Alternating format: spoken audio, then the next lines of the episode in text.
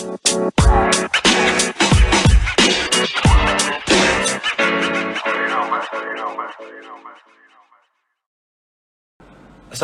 warahmatullahi wabarakatuh. Eh, selamat sore teman-teman semua. Perkenalkan, saya Dava dari TL19 Universitas Trisakti. Di sini kita eh, akan membawakan NVCast itu judulnya perjalanan sebagai mahasiswa teknik lingkungan. Di sini kita juga bakal eh, sharing-sharing mengenai bagaimana eh, teman-teman di Universitas Trisakti ini mungkin dari awal masuk eh, lalu kita bakal sharing-sharing mengenai pengalaman mereka di himpunan atau pelajaran-pelajaran yang ada di teknik lingkungan tersebut. Atau mungkin nanti kita bakal ngomongin masalah bertahan hidup yang di mana mahasiswa biasanya bakal eh, apa namanya mengatur pengeluaran uang atau mengatur semua strategi bagaimana caranya bisa makan satu minggu ke depan atau dua minggu ke depan. Di sini kita bakal ngundang ada eh, teman kita Bian atau biasa dipanggil Osam. Eh, mungkin kita undang dulu. Halo Mas Dava. Halo. Mas Bian lagi di mana nih? Lagi di luar Mas Dava. Oh lagi di luar. Gimana kabar sehat Mas, Mas Bian? Luar biasa sehat Mas Dava. Gimana Mas Dava sehat Mas Dava? Sehat alhamdulillah Mas Bian. Mas Bian, eh, kita ini lagi mau ngadain case yang setiap bulannya pasti ada gitu Mas Bian. Ya. Eh, kalau misalkan dilihat-lihat nih Mas Bian, ini dari beberapa bulan kemarin sepertinya muka Mas Bian udah terpampang terus ya di NVK. Iya Mas Dava. Kira-kira itu kalau ada, ada seringan ngobrol Mas Dava saya suka ngobrol. Oh. Iya. kalau nggak jadi bintang tamu jadi MC Mas Bian ya? Iya Mas Dava. Iya, eh, ini kita sekarang kalau misalkan sekarang kita bak- bakal ngebahas perjalanan sebagai mahasiswa teknik lingkungan di Uni- Universitas Trisakti, Mas Bian. Jadi di sini eh, sebenarnya tema ini kita bakal ngebahas gimana sih eh, Mas Bian ini jadi apa namanya jadi mahasiswa tuh gimana sih sharing-sharing pengalaman bisa nggak Mas Bian kira-kira? Halo Mas Jody, Mas Jody gimana kabarnya nih? Ya mungkin teman-teman kalau misalkan emang ada pertanyaan-pertanyaan, nah ya dulu, Mas. Ah, tadi mau ngasih tahu ke teman-teman ini kalau misalkan emang ada pertanyaan buat ah, Mas Bian tentang pengalaman-pengalaman dia di TL dari awal masuk sampai saat ini udah semester akhir berarti Mas ya? Iya. Ya, eh, bisa langsung ditanya-tanyain aja. Kalau misalkan ada yang nyeleneh juga, insya Allah kalau misalkan emang nggak terlalu parah nyelenehnya, bisa kita sampaikan ke Mas Bian ya. Iya maaf Mas, banget aman. ya ini. Ya boleh. Tapi jangan dipanggil Mas kali ya. Soalnya saya bukan orang Jawa Mas seperti Mas yang pakai lurik. Oh, iya jadi jadi dipanggilnya eh, biasanya apa nih Mas? Bian aja Bian, nggak apa-apa. Oh Bian, Bian apa Osam? Bebas Mas, terserah Mas aja. Oh iya, biar enak kita panggil Osam aja Sam ya. Iya, oh, sama aja deh. Ya eh, mungkin dari eh, saya pertama gitu perkenalkan isi perkenalkan diri nama saya Muhammad Dafa Ramadhani dari Teknik Lingkungan 2019 Eh, lalu dari narasumber kita silahkan Mas eh, bisa diperkenalkan Oh, iya. diri Ya teman-teman, perkenalkan nama saya Febrian. Sorry, sorry, sorry. Ya, eh, perkenalkan eh, nama saya Febrian, tapi di kampus biasa dipanggil Olsam. Mungkin teman-teman yang hari ini live biasanya kenal saya Olsam. Ya. Ya, ngomong-ngomong Gitu, perjalanan ya Mas ya ya, Ya, ngomong-ngomong perjalanan, tadi sebenarnya saya perkenalan itu kalau misalkan dari anak TL nggak tahu kalimat itu, berarti bukan anak TL, Mas. Betul nggak? benar. Ya, biasanya kalau di TL, eh, TL Trisakti khususnya pasti ada perkenalan seperti itu. Jadi buat teman-teman Ya. kalau misalkan yang di luar eh, dari Trisakti atau dari jurusan lain, kenalan ke TL, pasti ada kalimat itu. Jadi gimana nih Mas? Eh, kita di awal aja pertama pertama banget nih kita tanya-tanya nih.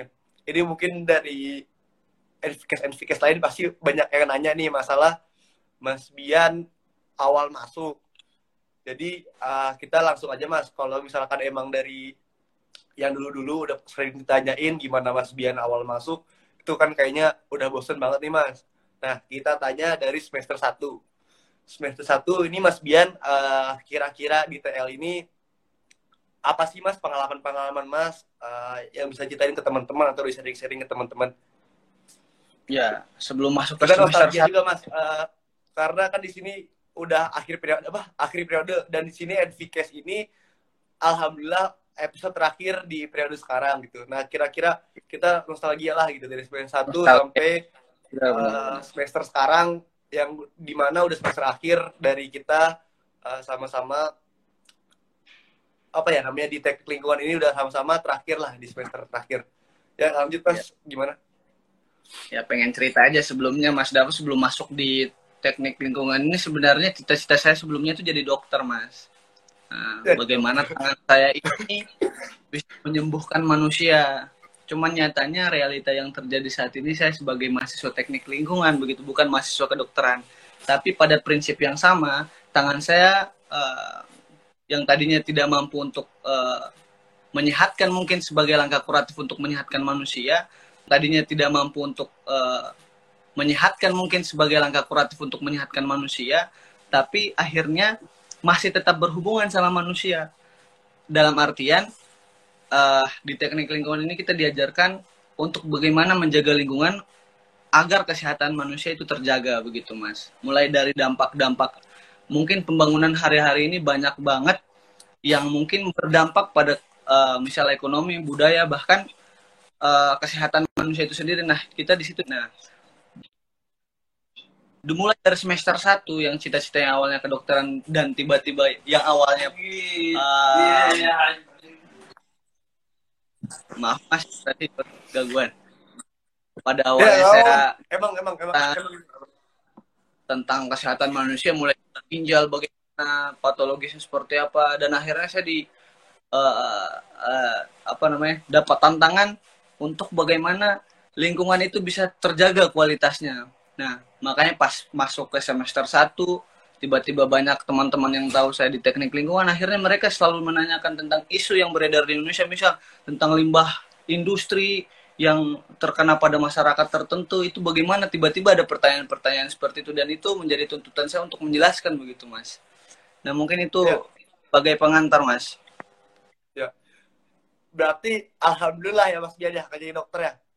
mungkin kalau kan saya juga udah lama dengan Mas Bian gitu. Kalau misalkan Mas Bian jadi dokter, saya juga takut gitu ya Mas. Sebenarnya kalau misalkan Mas Bian jadi dokter, takut nanti pasiennya kenapa-napa. Karena saya juga tahu nih Mas, Mas, Mas Bian kayak gimana di kampus. Jadi Alhamdulillah kalau misalnya Mas Bian nggak diterima kedokteran, jadi masuk teknik lingkungan nih. Tapi uh, buat teman-teman juga kalau misalkan yang tahu, kata dosen-dosen di TL ini sebenarnya uh, TL ini itu dokter lingkungan, bener gak Mas? Oh, benar sekali dokter lingkungan, benar banget. Soalnya ya. kemarin banyak mahasiswa-mahasiswa yang tidak keterima kedokteran, mereka masuknya ke teknik lingkungan, teman-teman. Banyak teman-teman kita yang angkatan 2019 kemarin yang tidak keterima di kedokteran masuk ke teknik lingkungan. Benar nggak sih, Mas? Kemarin ya betul betul. Dengar-dengar cerita uh, dari Pas Maba kemarin.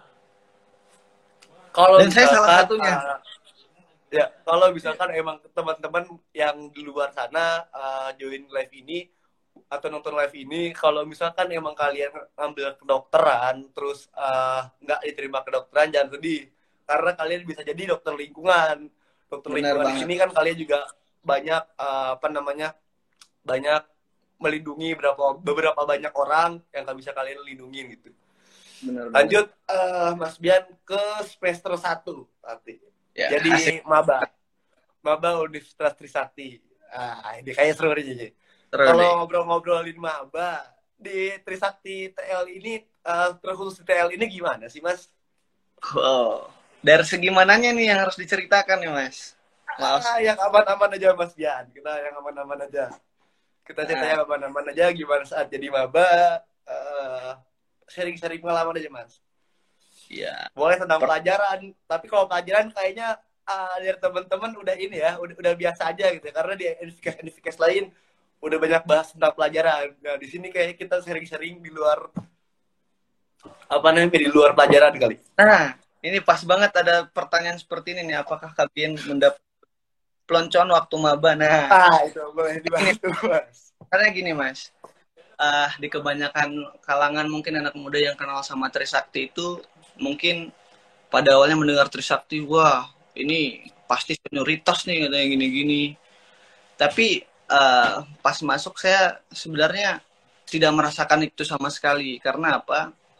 Yang membuat saya ah, mengetahui perpeloncoan dan bedanya itu mendidik karena kita diajarkan bagaimana memperbaiki kesalahan yang ada.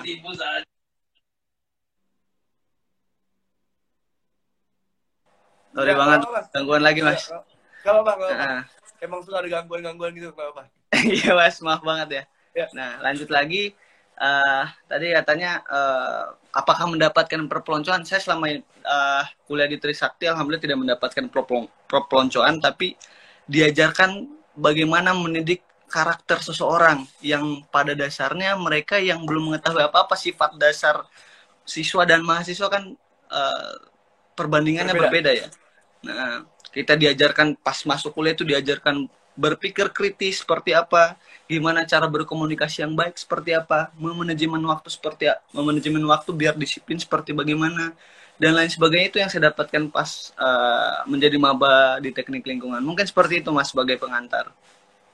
Ya, ah, jadi maba ngomongin maba biasanya nih ah, dari pengalaman Mas Bian sendiri, dari Osam sendiri nih, Sam, lu kalau misalkan ah, apa namanya ya, kalau misalkan jadi maba itu biasanya masih di bawah naungan orang tua gitu, maksudnya di bawah naungan orang tua masih diawasi terus oleh orang tua karena transisi dari siswa ke mahasiswa kan lumayan berat, Ah, yang tadinya sorry sebelumnya Mas Osam ini dari mana asalnya?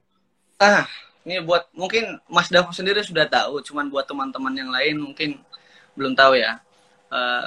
Gue berasal dari lahirnya di Sulawesi Tenggara untuk eh, domisilinya dan KTP-nya dari Maluku Utara. Jadi saya asalnya dari dua daerah. Lahirnya di Sulawesi Tenggara, tepatnya di Kota Bau-Bau. Cuman untuk besar dan dari SD sampai SMA lulusnya tuh di Maluku Utara, tepatnya di eh, Bacan, Kepulauan Bacan. Nah, mungkin Ya, itu. eh, berarti kalau bisa kita bilang Mas Bian ini merantau dari eh, timur ke Jakarta gitu ya. Benar Betul banget. Mas? Ya. Benar. Jadi kalau Mas Bian ini sendiri gimana Mas Eh, menyikapi waktu awal meninggalkan orang tua, meninggalkan rumah itu kira-kira ada kesan-kesan nggak sih di semester satu awal-awal? Kalau mau Karena kan bilang transisi ya Mas ya. kalau mau bilang transisi saya sebenarnya sudah dikasih kepercayaan penuh sama orang tua eh, untuk eh, misal kayak keluar-keluar seperti itu kan biasanya saya di SMA juga aktif di organisasi ya. Jadi orang tua tahu kalau saya keluar itu saya selalu bilang ke orang tua saya, saya keluar itu ada manfaatnya. Saya pulang dari eh, keluar dari rumah dan pulang itu harus ada yang saya bawa ilmu.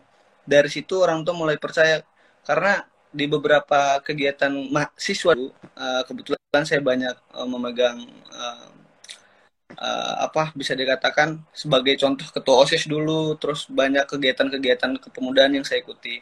Nah, dari situ mungkin orang tua saya mulai percaya eh, bahwa saya bisa mampu untuk eh, merantau di luar dan eh, banyak mengambil manfaat mungkin seperti itu, Mas. Kira-kira nih Mas dari tadi sorry dari mana Mas tadi? Dari ah, Sulawesi Tenggara dan Maluku Utara, Mas. Ya, dari Sulawesi Tenggara, dari Maluku Utara, Osam ini seorang sosok-sosok Osam ini dia pergi gitu ke Jakarta merantau. Nah, pasti ada di mana perantau ini nih Mas yang bisa dikatakan kekurangan uang yang dibilang kita manajemen uang tuh gimana baiknya. Nah, kira-kira bisa di-share-share gak Mas? Soalnya kita eh, kan sebagai mahasiswa harus ini Mas ya bertahan hidup nih. Bisa kita dikasih uang segini, bisa harus bertahan hidup dalam sebulan kira-kira Mas Bian kalau misalkan bisa boleh ceritain atau dikasih masukan berapa sih seminggu atau sebulan berapa sih biar teman-teman juga tahu cara pola hidup DTL tuh gimana sih atau di saat ini gimana sih Bukaan, mau buka-bukaan uang saku tidak terlalu banyak lah, tidak disebutkan Ya. di sini. ya jadi banyak- usah mencukupi mas alhamdulillah nah Iya. kalau untuk pola makan dan pola apa lifestyle yang ada di sini di Jakarta apalagi tingkat kegengsian yang tinggi ya bisa dikatakan seperti itu ya nah tapi eh, untuk makan se- sendiri eh, masak sendiri nasi eh, punya rice cooker apa sih namanya magic chair nah di kosan itu eh, jadi masak nasi itu satu kali sehari tapi bisa dimakan dua kali sehari gitu nasinya Nah, nah, untuk lauknya sendiri, jadi makan saya tuh dari eh, siang sama malam. Paginya sama sorenya itu cemil aja. Cemil kayak ngeteh atau ngopi gitu. Nah, kita mencukupi. Jadi satu kita keluar eh, beli lauk pauknya itu hanya ya bisa sepuluh ribu, dua ribu bisa untuk sehari. Nah, untuk ngopinya itu paling lima ribu gitu-gitu paling. Mas. Iya. Jadi kalau ditotalin satu minggu itu tujuh, eh, tujuh hari, ya 25 kali tujuh, berapa tuh mas? Sorry mas. Udah Berapa? sampai ini 25 ribu kali 25 seminggu. kali tujuh. Jadi Ya, hitung pokoknya hitungan gitu ya. Mungkin dari teman-teman bisa ngitung ya. nggak sampai biasanya, 500 lah Eh. untuk eh, seminggu. Iya, dua dua puluh ribu lah mas gitu mas. Iya, 250. 350 ribu mas, iya. 350 ribu. Iya. Kita juga sebenarnya teman-teman uh, kalau misalkan boleh sharing sebenarnya kita kan sama uh, saya dan Osam ini sebenarnya sama-sama terus nih dari semester semester 1 sampai sekarang gitu. Ya, kita oh, banyak iya. pengalaman lucu mengenai masalah bertahan hidup, mengenai uang ini, manajemen uang ini. Mungkin Mas Biar bisa ceritain waktu bulan puasa itu uh, gimana sih cara manajemen uang tuh saat bulan puasa di teknik lingkungan. Karena itu kayak lucu juga Mas. Kita makan es buah di apa di rice cooker, kita buat mie di rice cooker coba bisa ceritain Mas Biar. Gimana? Makan es buah di rice cooker gimana mas? Sorry. Ya waktu itu kita makan es apa makan es buah itu loh Mas. Waktu malam-malam kita uh, apa namanya Iya. buka puasa beli es buah kita masukin rice cooker. Saya lucu ya kalau dibilang-bilang ya. Coba itu menjadi pelajaran berarti buat anak-anak perantau atau mungkin Mas Dava yang rumahnya di Bogor tapi ngokos kan bisa belajar bagaimana untuk mengontrol uang, eh, gimana caranya eh, mengatur flow keuangan pemasukan dan pengeluaran itu biar bisa seimbang. Ini sebenarnya jadi pelajaran penting buat mahasiswa bukan hanya belajar tentang ilmu yang masuk eh, ke dalam otak untuk ya sesuai jurusan, tapi mau mengajarkan tentang kehidupan gitu. Ah itu dia. Bener banget. Ah, simulasi kehidupan Mas kalau bisa dibilang Iya. gitu ya. Nah, Mahasiswa simulasi kehidupan gitu ya. bener banget. Apalagi belum kalau kalau pacaran kan ada uang keluarnya juga tuh Mas Dava. Gimana saya mau tanya kembali ke Mas Dava nih. Oh iya. Ya gimana Mas? Gimana Mas? Ngatur-ngatur keuangan keluarnya gimana Mas Dava? Jangan saya terus yang ditanya. Oh iya. Kalau saya sih ya dari semester 1 mungkin dari teman-teman yang lain uh, kita berdua ini alhamdulillah kita bisa men- memanajemen uang dengan baik gitu ya Sam ya. Ya. Jadi teman-teman kalau misalkan boleh cerita kita ini dari semester 1 sampai semester sekarang gitu.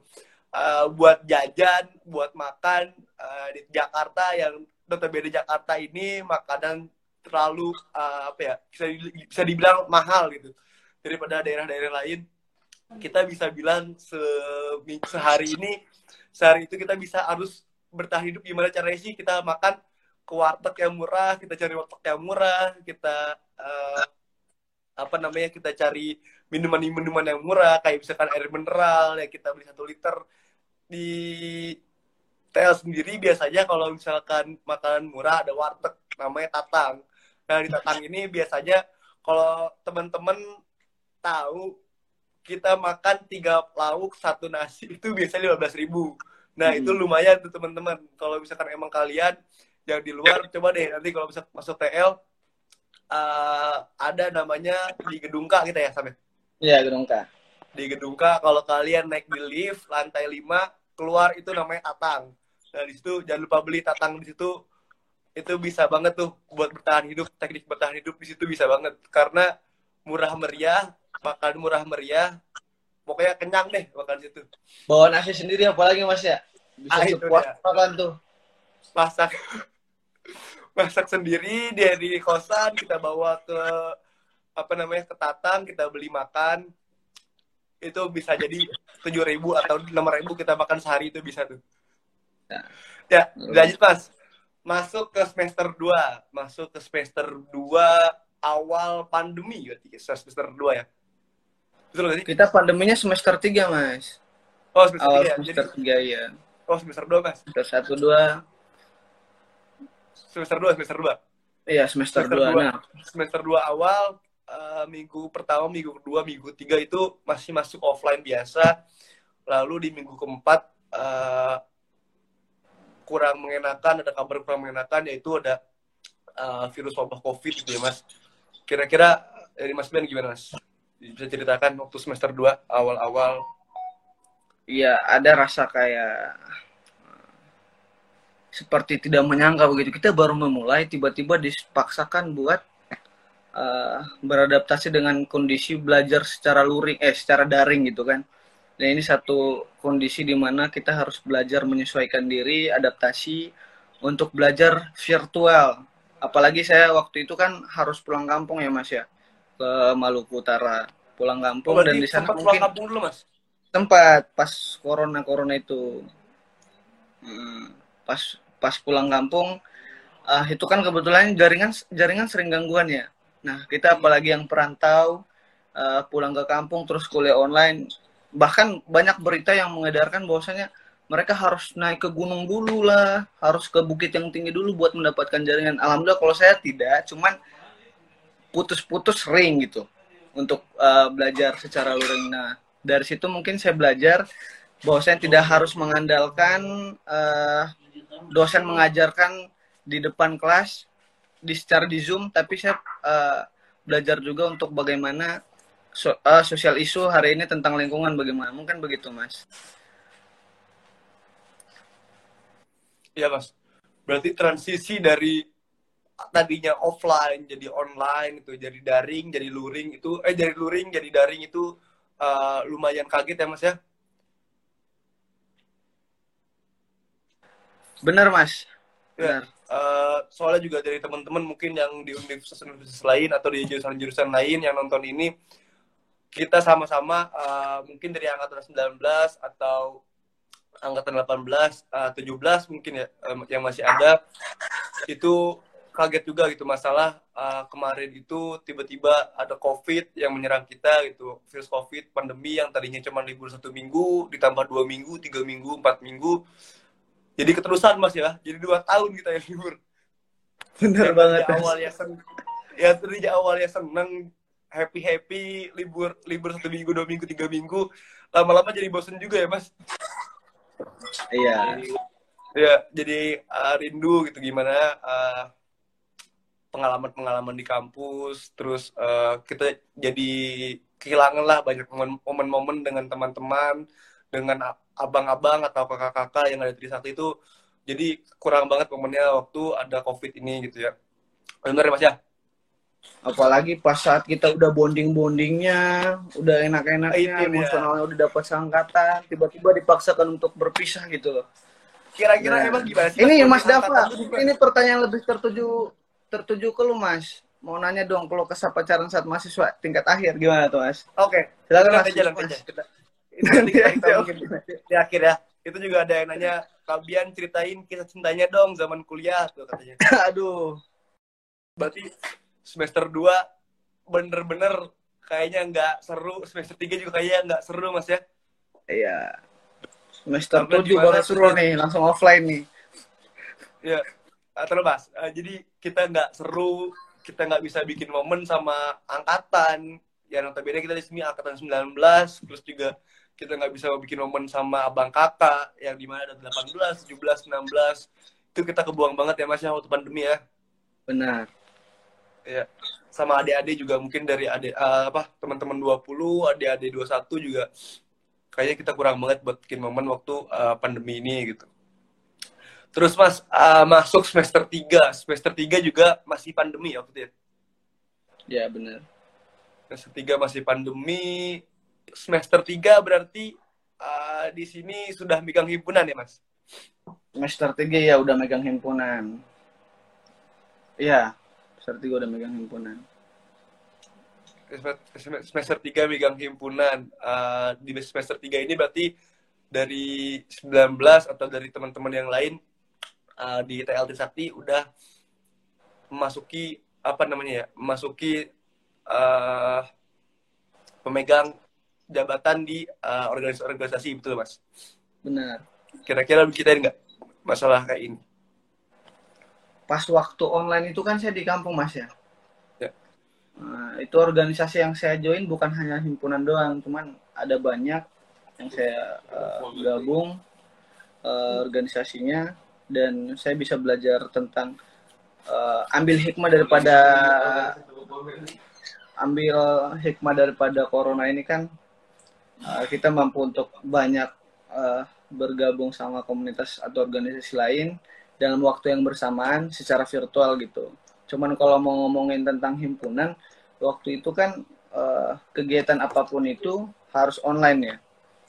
Nah, gimana uh, waktu itu hanya terkendala, terkendala lebih ke komunikasi aja soalnya uh, rada sulit ya untuk komunikasi, komunikasi secara langsung atau secara emosional belum terbangun, makanya banyak miskom-miskom seperti itu. Iya. Berarti di semester 3 kita udah udah mulai apa Mas namanya? Kita udah mulai mengenal bagaimana itu organisasi di kampus ya Mas ya? Iya, alhamdulillah. Oke, berarti semester 4.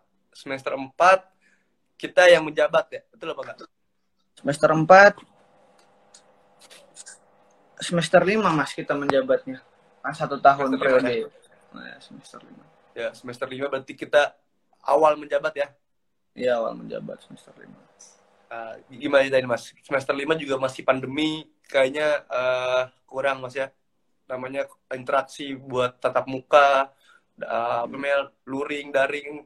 Uh, itu kayaknya ganggu banget ya mas buat masalah proker proker apa gimana Iya, proker-proker masalah terganggu. Cuman kalau mau ditanya masalah himpunan, uh, saya tidak masuk di dalam struktural. Cuman uh, namanya kita megang himpunan kan harus megang tanggung jawab ya. Jadi saya waktu itu pegang tanggung jawab sebagai PIC, PIC dalam rangkaian kegiatan proker NV Fair.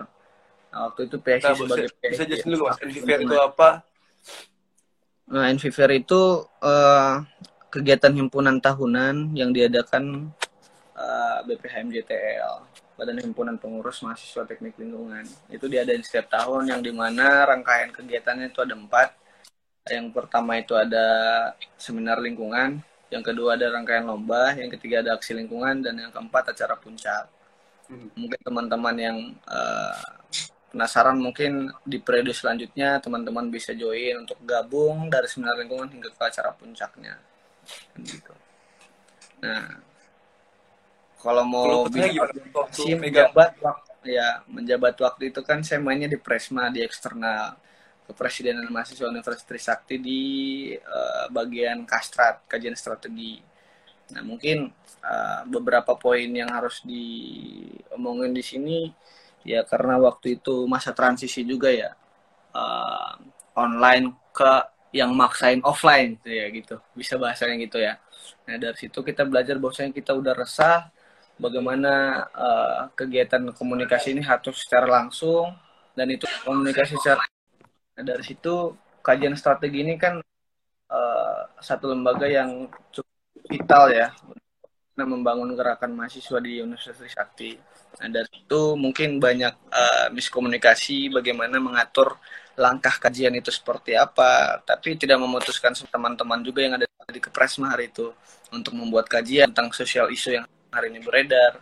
Dan dari situ kita belajar untuk uh, memperbaiki komunikasi untuk uh, tetap memegang tanggung jawab penuh. Mungkin seperti itu, Mas.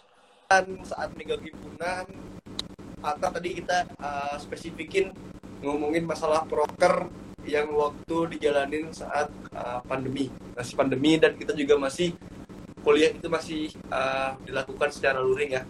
Eh secara daring sorry. Daring. Oh, bilang kesan-kesan sih uh, banyak pelajaran ya hikmah yang harus dipetik pas waktu megang himpunan secara online. Karena itu satu satu momen di mana harus kita dipaksakan harus uh, kondisional yang ada jadi pada saat uh, kegiatan online ini kan pada awalnya tidak ada sama sekali ya. Nah, kita harus dipaksakan buat uh, menyesuaikan kondisi mungkin dari situ kita belajar bagaimana uh, memfleksibelkan tentang komunikasi uh, waktu bagaimana untuk uh, disesuaikan dan pada saat waktu kesan pesan yang saya megang sih uh, lanjut ke cerita selanjutnya yang pas uh, di himpunan kan saya megang PIC aksi lingkungan di kegi rangkaian kegiatan MC Fair ya. Nah aksi lingkungan ini salah satu rangkaian yang satu-satunya kegiatannya diadakan offline.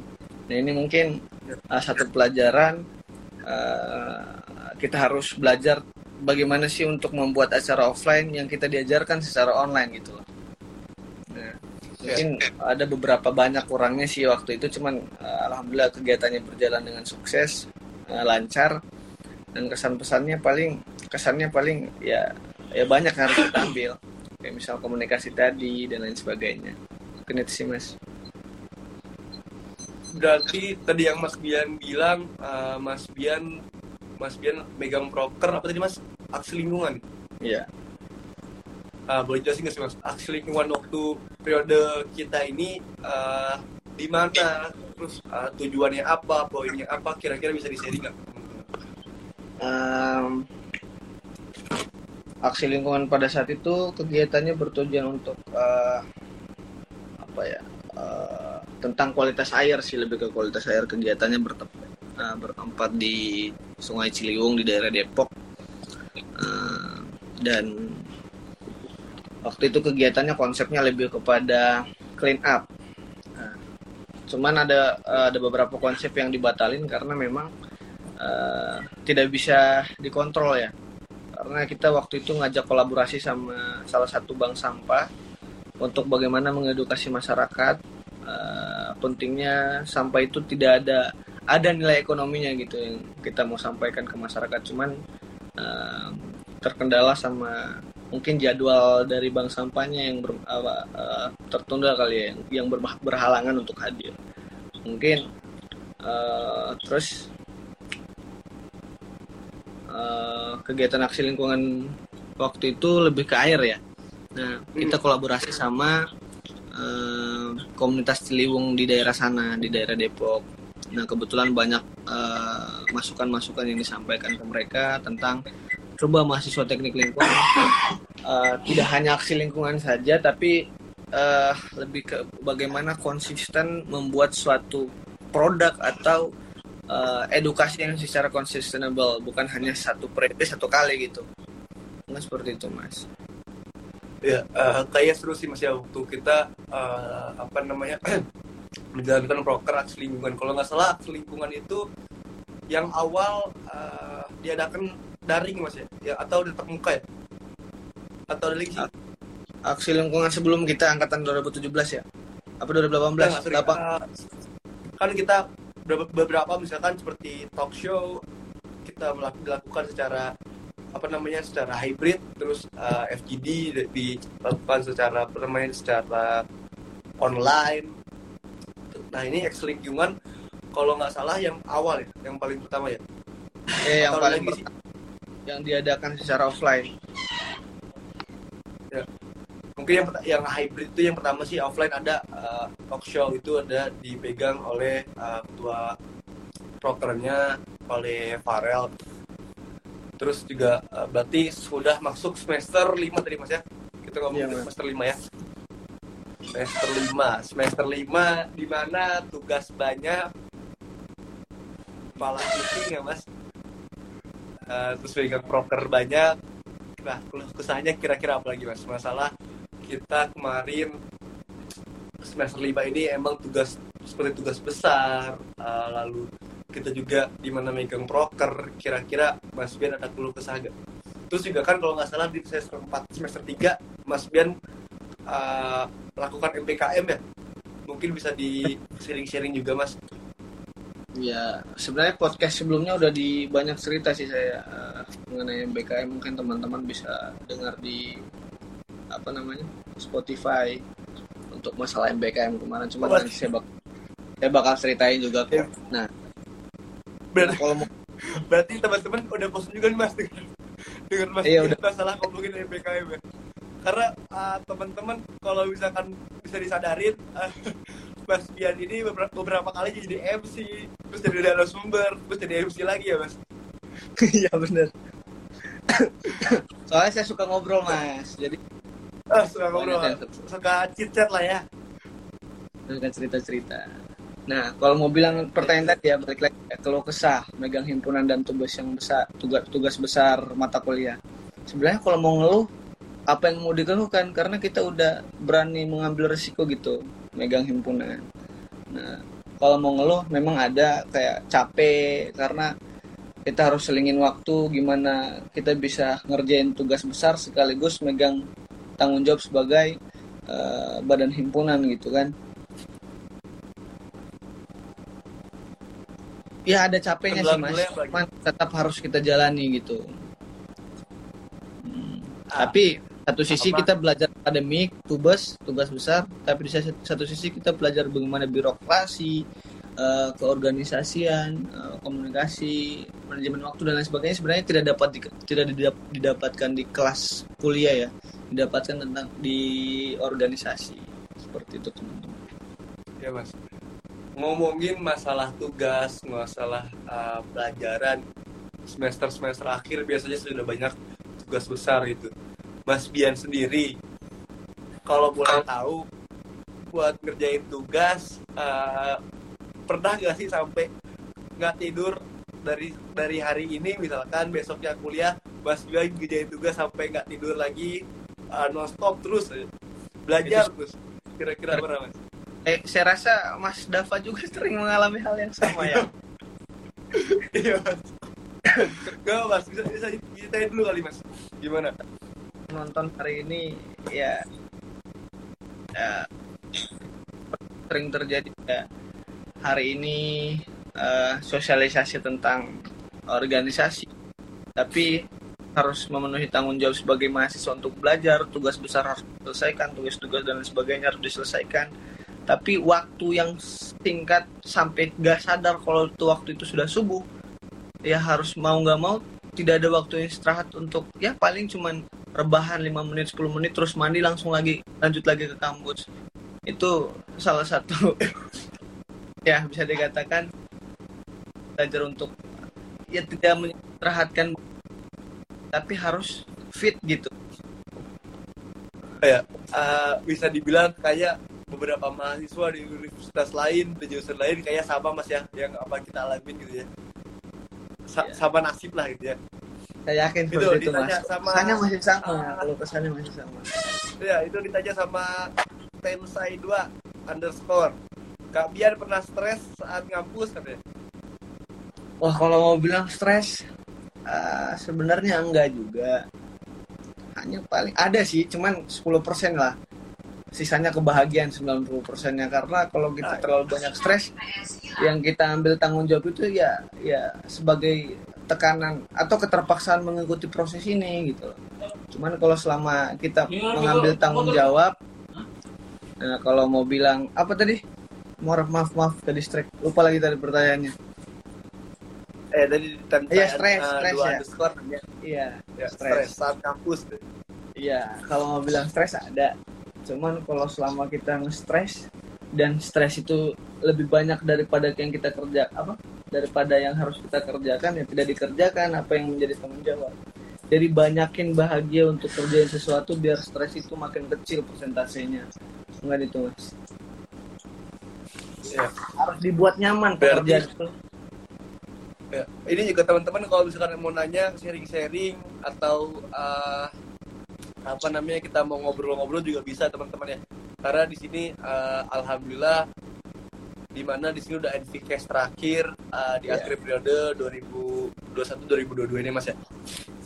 Ya. Ya mungkin dari teman-teman kalau misalkan emang mau nanya-nanya atau mau sharing-sharing pengalaman kita atau nanti kita sampein Oh iya, di sini. Mas Dava. Saya mau cerita lagi Mas Dava sebagai mahasiswa Ya, nih. silakan Mas. apalagi eh, kita yang sebagai teknik lingkungan ya saya selama kuliah harus ada hasil yang harus dibuat gitu produk yang harus dibuat jadi pada waktu ini mungkin saya sudah cerita juga ya podcastnya cuman saya cerita lagi kembali ini Ya. jadi pada saat waktu corona itu kan kita pulang kampung Nah, di satu sisi saya stres juga waktu itu. Uh, kita kuliah-kuliah dari Dengar-dengar Mas Bian ini suka di kapal ya, Mas?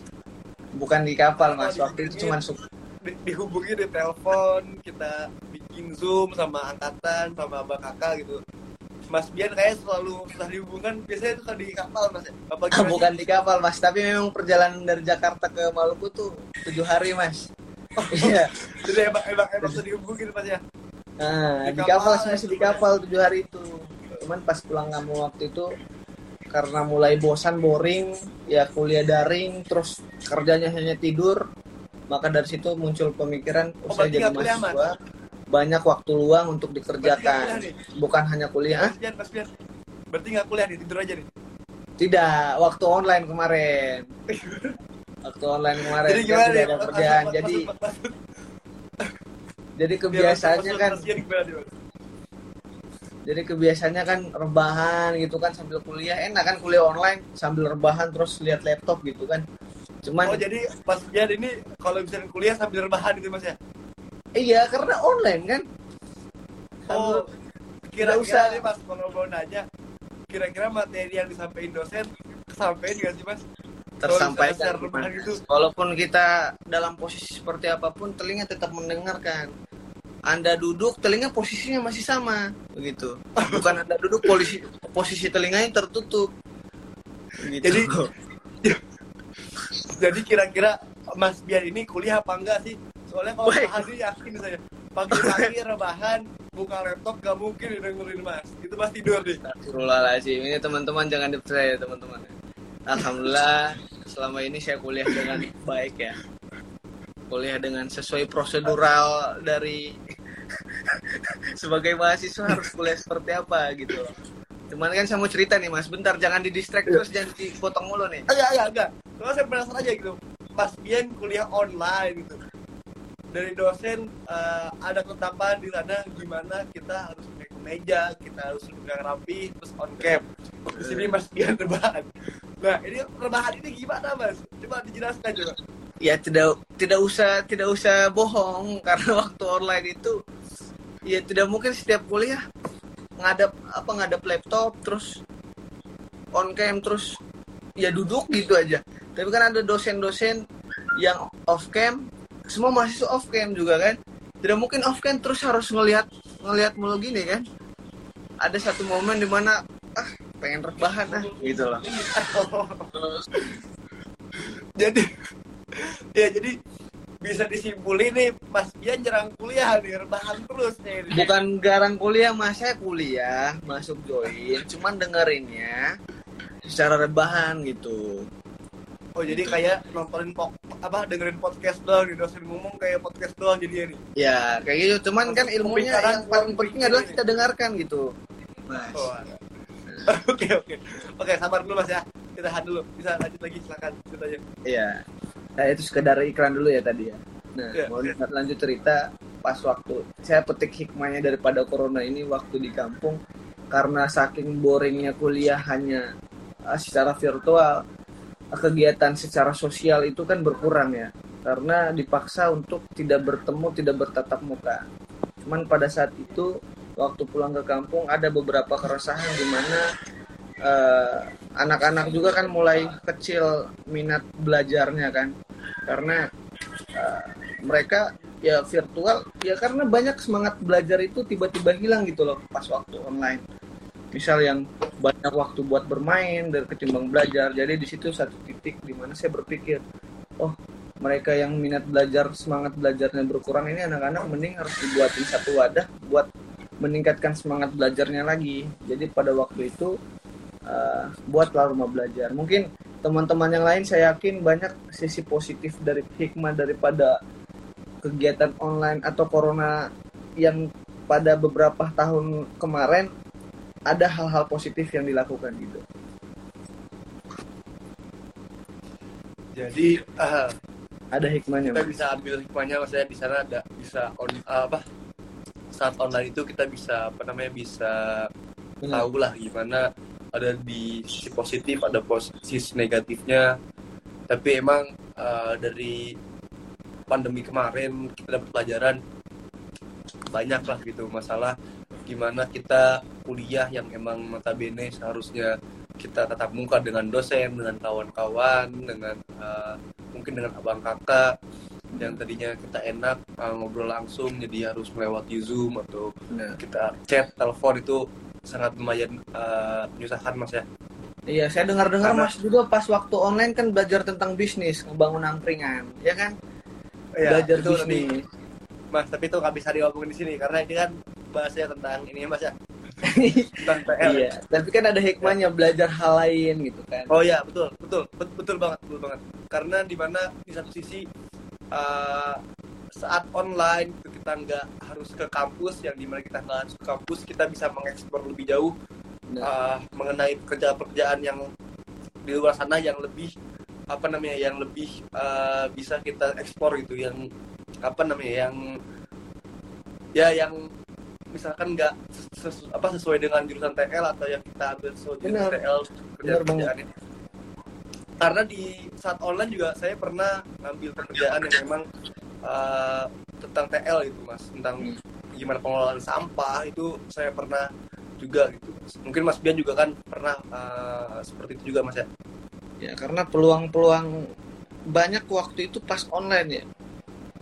Kayak misal kita banyak waktu luang untuk mempelajari hal-hal baru. Misal sambil eh, sambil kuliah sambil apa namanya sambil mengerjakan sesuatu hal yang baru. ya sambil kerja juga sebenarnya bisa Mas benar terus uh, Mas Bian semester 5 sudah terlewatkan sudah megang himpunan sudah uh, banyak tugas yang dijalankan. Berarti sekarang kita masuk di semester 6 nah teman-teman yang emang apa namanya yang emang mau tahu gitu gimana lagi masalah sharing-sharing dengan Mas Bian bisa ditanyain juga eh, teman-teman yang sekarang join bisa ditanyain juga gimana Atau teman-teman atau teman-teman yang ada mau cerita bisa langsung komentar aja biar kita oh, kita dapat ilmu juga gitu loh. komentar-komentar atau mau sharing-sharing pengalaman dari teman-teman sendiri dari Mas Bian sendiri nggak apa Ini kita sapa-sapa dulu penontonnya nih. Halo Adel, ya, halo. Davik, dia, Najla, Jody, sama Luan. ya gimana Mas Bian kita udah masuk ke semester 6 Hmm, eh semester, semester 7 kita ya semester 7 sekarang kita, Mas. Allah Akbar itu semester 7 Mas Bian semester 7 yang di mana sudah mulai kuliah sudah mulai bertatap muka lagi kita sudah Benar. sering bertemu lagi dengan teman-teman dengan abang kakak dengan adik-adik. Eh, adik-adik di mana kita udah bisa ngobrol-ngobrol langsung lagi gitu mas ya gimana mas perasaannya kita udah mulai apa namanya bertatap muka lagi gimana sih perasaan mas Bian Wah, bahagia banget sih.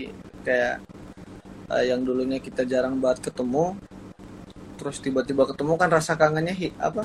Tiba-tiba kayak, wah, gila kita ketemu lagi gitu loh di kampus. Momen-momen Ya, ya, ini ya. yang hari ini kita tunggu, kita duduk lagi, cerita lagi, apa kabar dan lain sebagainya kan.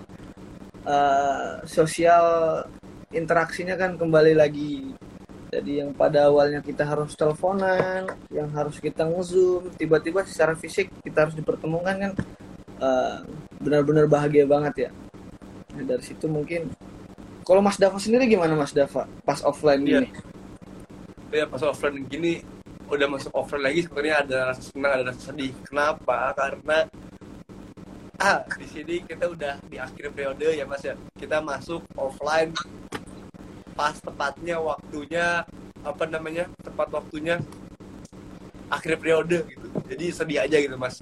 Yang tadinya harusnya kita uh, melakukan semuanya gitu proker-proker yang tadinya harusnya offline kita lakukan secara uh, bertatap muka tapi apa boleh buat itu karena emang covid uh, jadi nggak bisa gitu kita lakuin dengan offline gitu itu sebenarnya ada seneng ada sedih juga gitu Ben Hmm. mungkin dari teman-teman yang nonton mau sharing-sharing atau nanya-nanya tentang masalah perkampusan TL ini boleh ditanya Atau penasaran dengan TL mungkin?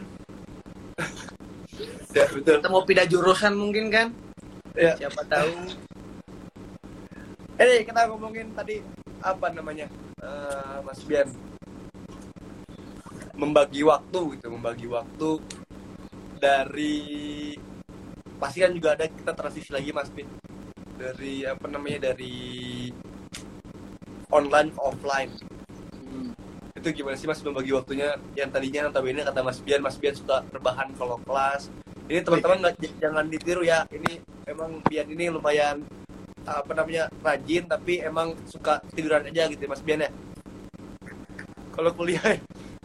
Iya sih mas, karena satu sisi eh, ruang istirahat kita eh, kurang ya. Jadi tiba-tiba aja istirahat di tempat ya seadanya juga bisa istirahat kita. lain kali jangan diulangin mas ya itu soalnya nggak nggak nggak baik banget itu buat emang apa namanya Ini kenapa tiba-tiba serang mas ya? apa Tiba-tiba saya diserang mas ya?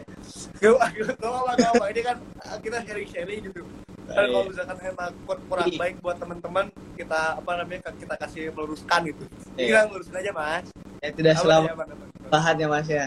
Ada Ya, hal ya, ya. Ya. terus terus kita ngomongin apa lagi nih ngomongin eh, tadi yang tadi belum dijawab mas Nah, untuk masalah manajemen waktu ya. Ya. Sebenarnya manajemen waktu itu tergantung dengan skala prioritas yang harus kita urutkan. Ya, kegiatan apa sih yang paling prioritas itu yang harus kita jalani. Hal-hal apa yang harus pri- diprioritaskan yang itu harus kita jalani. Kalau misal hal yang tidak mendesak dan tidak penting, tapi ditabrakan dengan hal yang penting dan mendesak, ambil yang penting dan mendesaknya. Tinggalkan yang tidak penting dan tidak mendesaknya. Itu sebenarnya eh, hal yang paling penting buat dipelajari untuk manajemen waktu. Mungkin itu mas. Ya betul. Ya mungkin dari teman-teman Itu ada yang mau nanya-nanya bagi waktunya. Ya gimana? Membagi waktunya gimana mas? Bagi waktu apa tuh? Itu eh, masalah kegiatan kampus terus kegiatan yang di rumah ataupun kegiatan-kegiatan lain yang mas koncor ikuti mas koncor mas Dava sorry Iya, kalau saya sendiri mas ya, saya enak-enak aja sih, saya gampang-gampang aja gitu ngebagi waktu. Soalnya saya waktu online juga, alhamdulillah saya mendengarkan mas, eh, nggak rebahan gitu saya. Kalau misalkan emang disuruh dosen pakai kemeja, saya pakai kemeja. Kalau saya duduk depan eh, laptop on cam on cam saya, jadi saya nggak rebahan gitu sih mas. Alhamdulillah jadi eh, buat sampai sekarang juga buat ngebagi waktunya sama aja sih mas sebenarnya. Salah sebenarnya online atau sekarang sama aja. ini jawabannya lebih menyerang ke saya ya sarkas ya Iya, enggak, enggak, enggak. Saya, saya ngomong, sendiri, ngomong sendiri. Karena saya nggak kaget karena emang waktu online yang emang waktu jam- jamnya kuliah, saya kuliah. Dan saat sekarang juga misalkan emang waktunya kuliah, eh, jam 8 pagi, misalkan di online, jam 8 pagi harus bangun, saya bangun.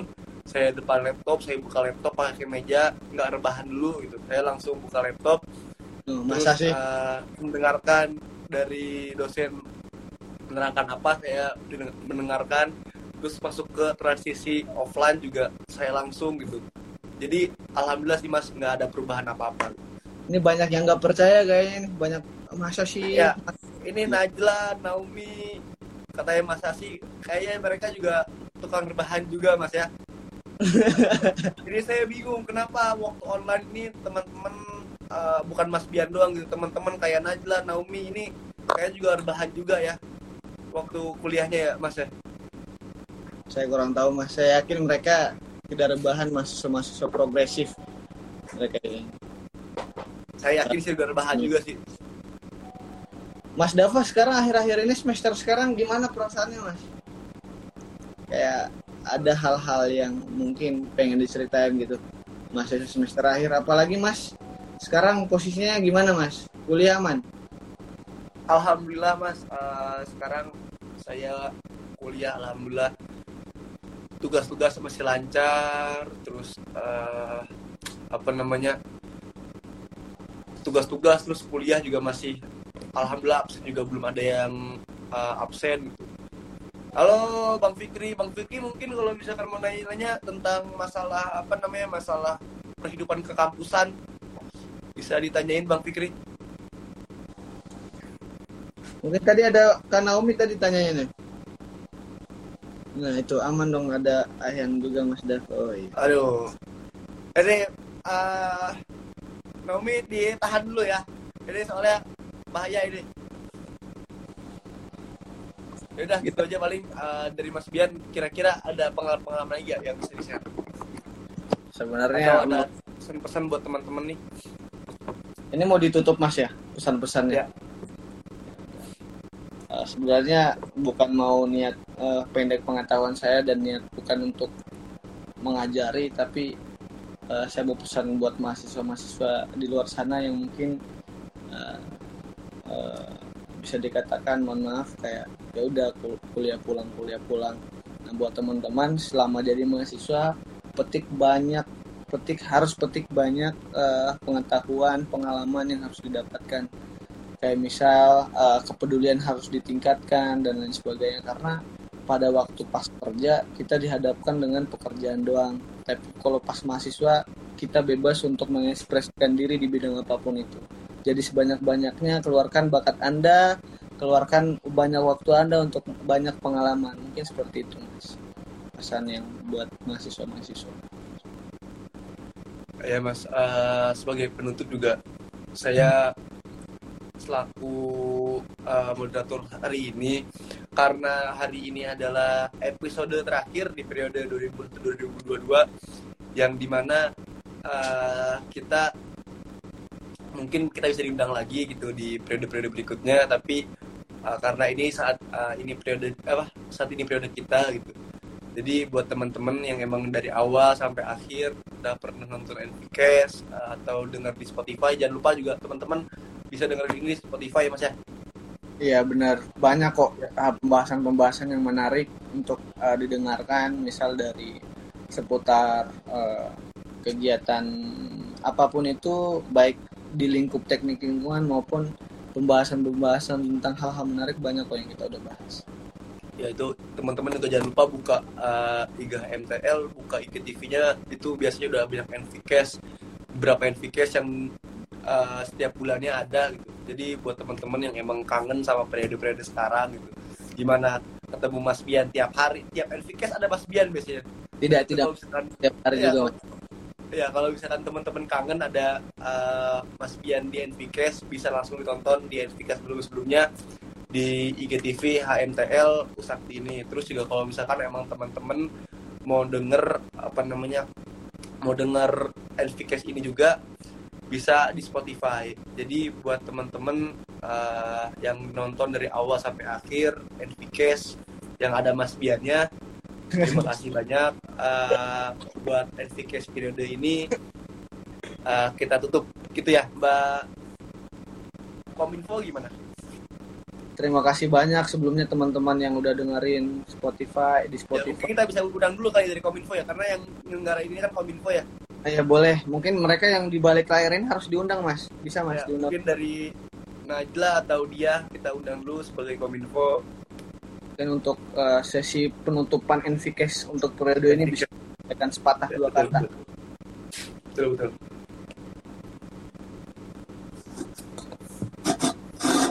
Yang paling berperan di NVCast nih mas Dava, yang di balik. Mereka Iya yang iya. penting. Iya, betul betul. Ini buat for your information nih teman-teman. Ini eh, Najla terus dia ya. Najla dia terus Raja ini sebagai kominfo di periode ini eh, mereka yang sedikit banyak berperan saat NVCast ini mungkin dia Bukan sedikit. Bisa cerita. Bang, bukan sedikit Ya, banyak. sedikit banyak. Yang Tadi saya, saya bilang sedikit banyak.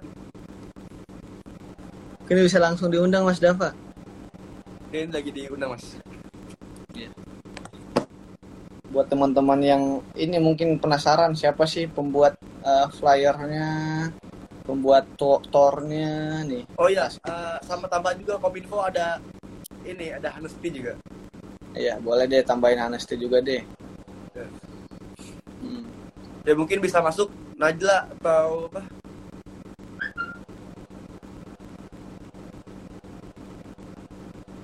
kok ada yang dengan sadar ngomong berdua itu gimana bang Saya juga kurang ngerti ya Mas Dava ya. Ya. Ini langsung diundang aja dia, dia. Dia, ayo dia. Datang aja lah. Atau mungkin langsung di ini kali ya. Diwakili aja. Mas Dava silakan sebagai MC. Ya mungkin eh, kalau emang nggak bisa masuk dari NVCast ini periode 2000 2022 kita tutup. Jadi ini agenda agenda mas ya Iya, agenda. agenda bulanan dari eh, HMTL 2021-2022 eh, kita sudahi. Terima kasih semuanya yang udah nonton. Saya eh, pamit undur diri juga Mas Bian silakan. Iya, eh, saya juga yang mungkin kalian bosan untuk dengerin suara saya dan muka saya, mohon maaf sebelumnya. Buat teman-teman yang sering dengerin, terima kasih banyak. Saya wakili teman-teman Kominfo dan BPHMJTL. Terima kasih banyak yang udah dengerin dari awal sampai akhir. NVCast ini eh, eh, dibuat sampai hari ini periode terakhir. Terima kasih banyak teman-teman. Mungkin jangan bosan-bosan untuk dengerin NVCast di periode-periode selanjutnya. Masih banyak pembahasan-pembahasan yang mungkin sesuai atau relate sama kehidupan teman-teman. Mungkin seperti itu. Ya, Terima kasih betul. banyak. Buat teman-teman juga jangan lupa nonton di IG eh, apa namanya di IG HMTL bisa lihat di IGTV-nya kalau yang kangen-kangen buat periode sekarang bisa ditonton di situ. Terus juga ada di Spotify. Jangan lupa dengerin Spotify-nya teman-teman semuanya. Dari saya Dava pamit undur diri. Juga dari Mas Osa pamit undur diri. Assalamualaikum warahmatullahi wabarakatuh. Dadah. selamat sore teman-teman semua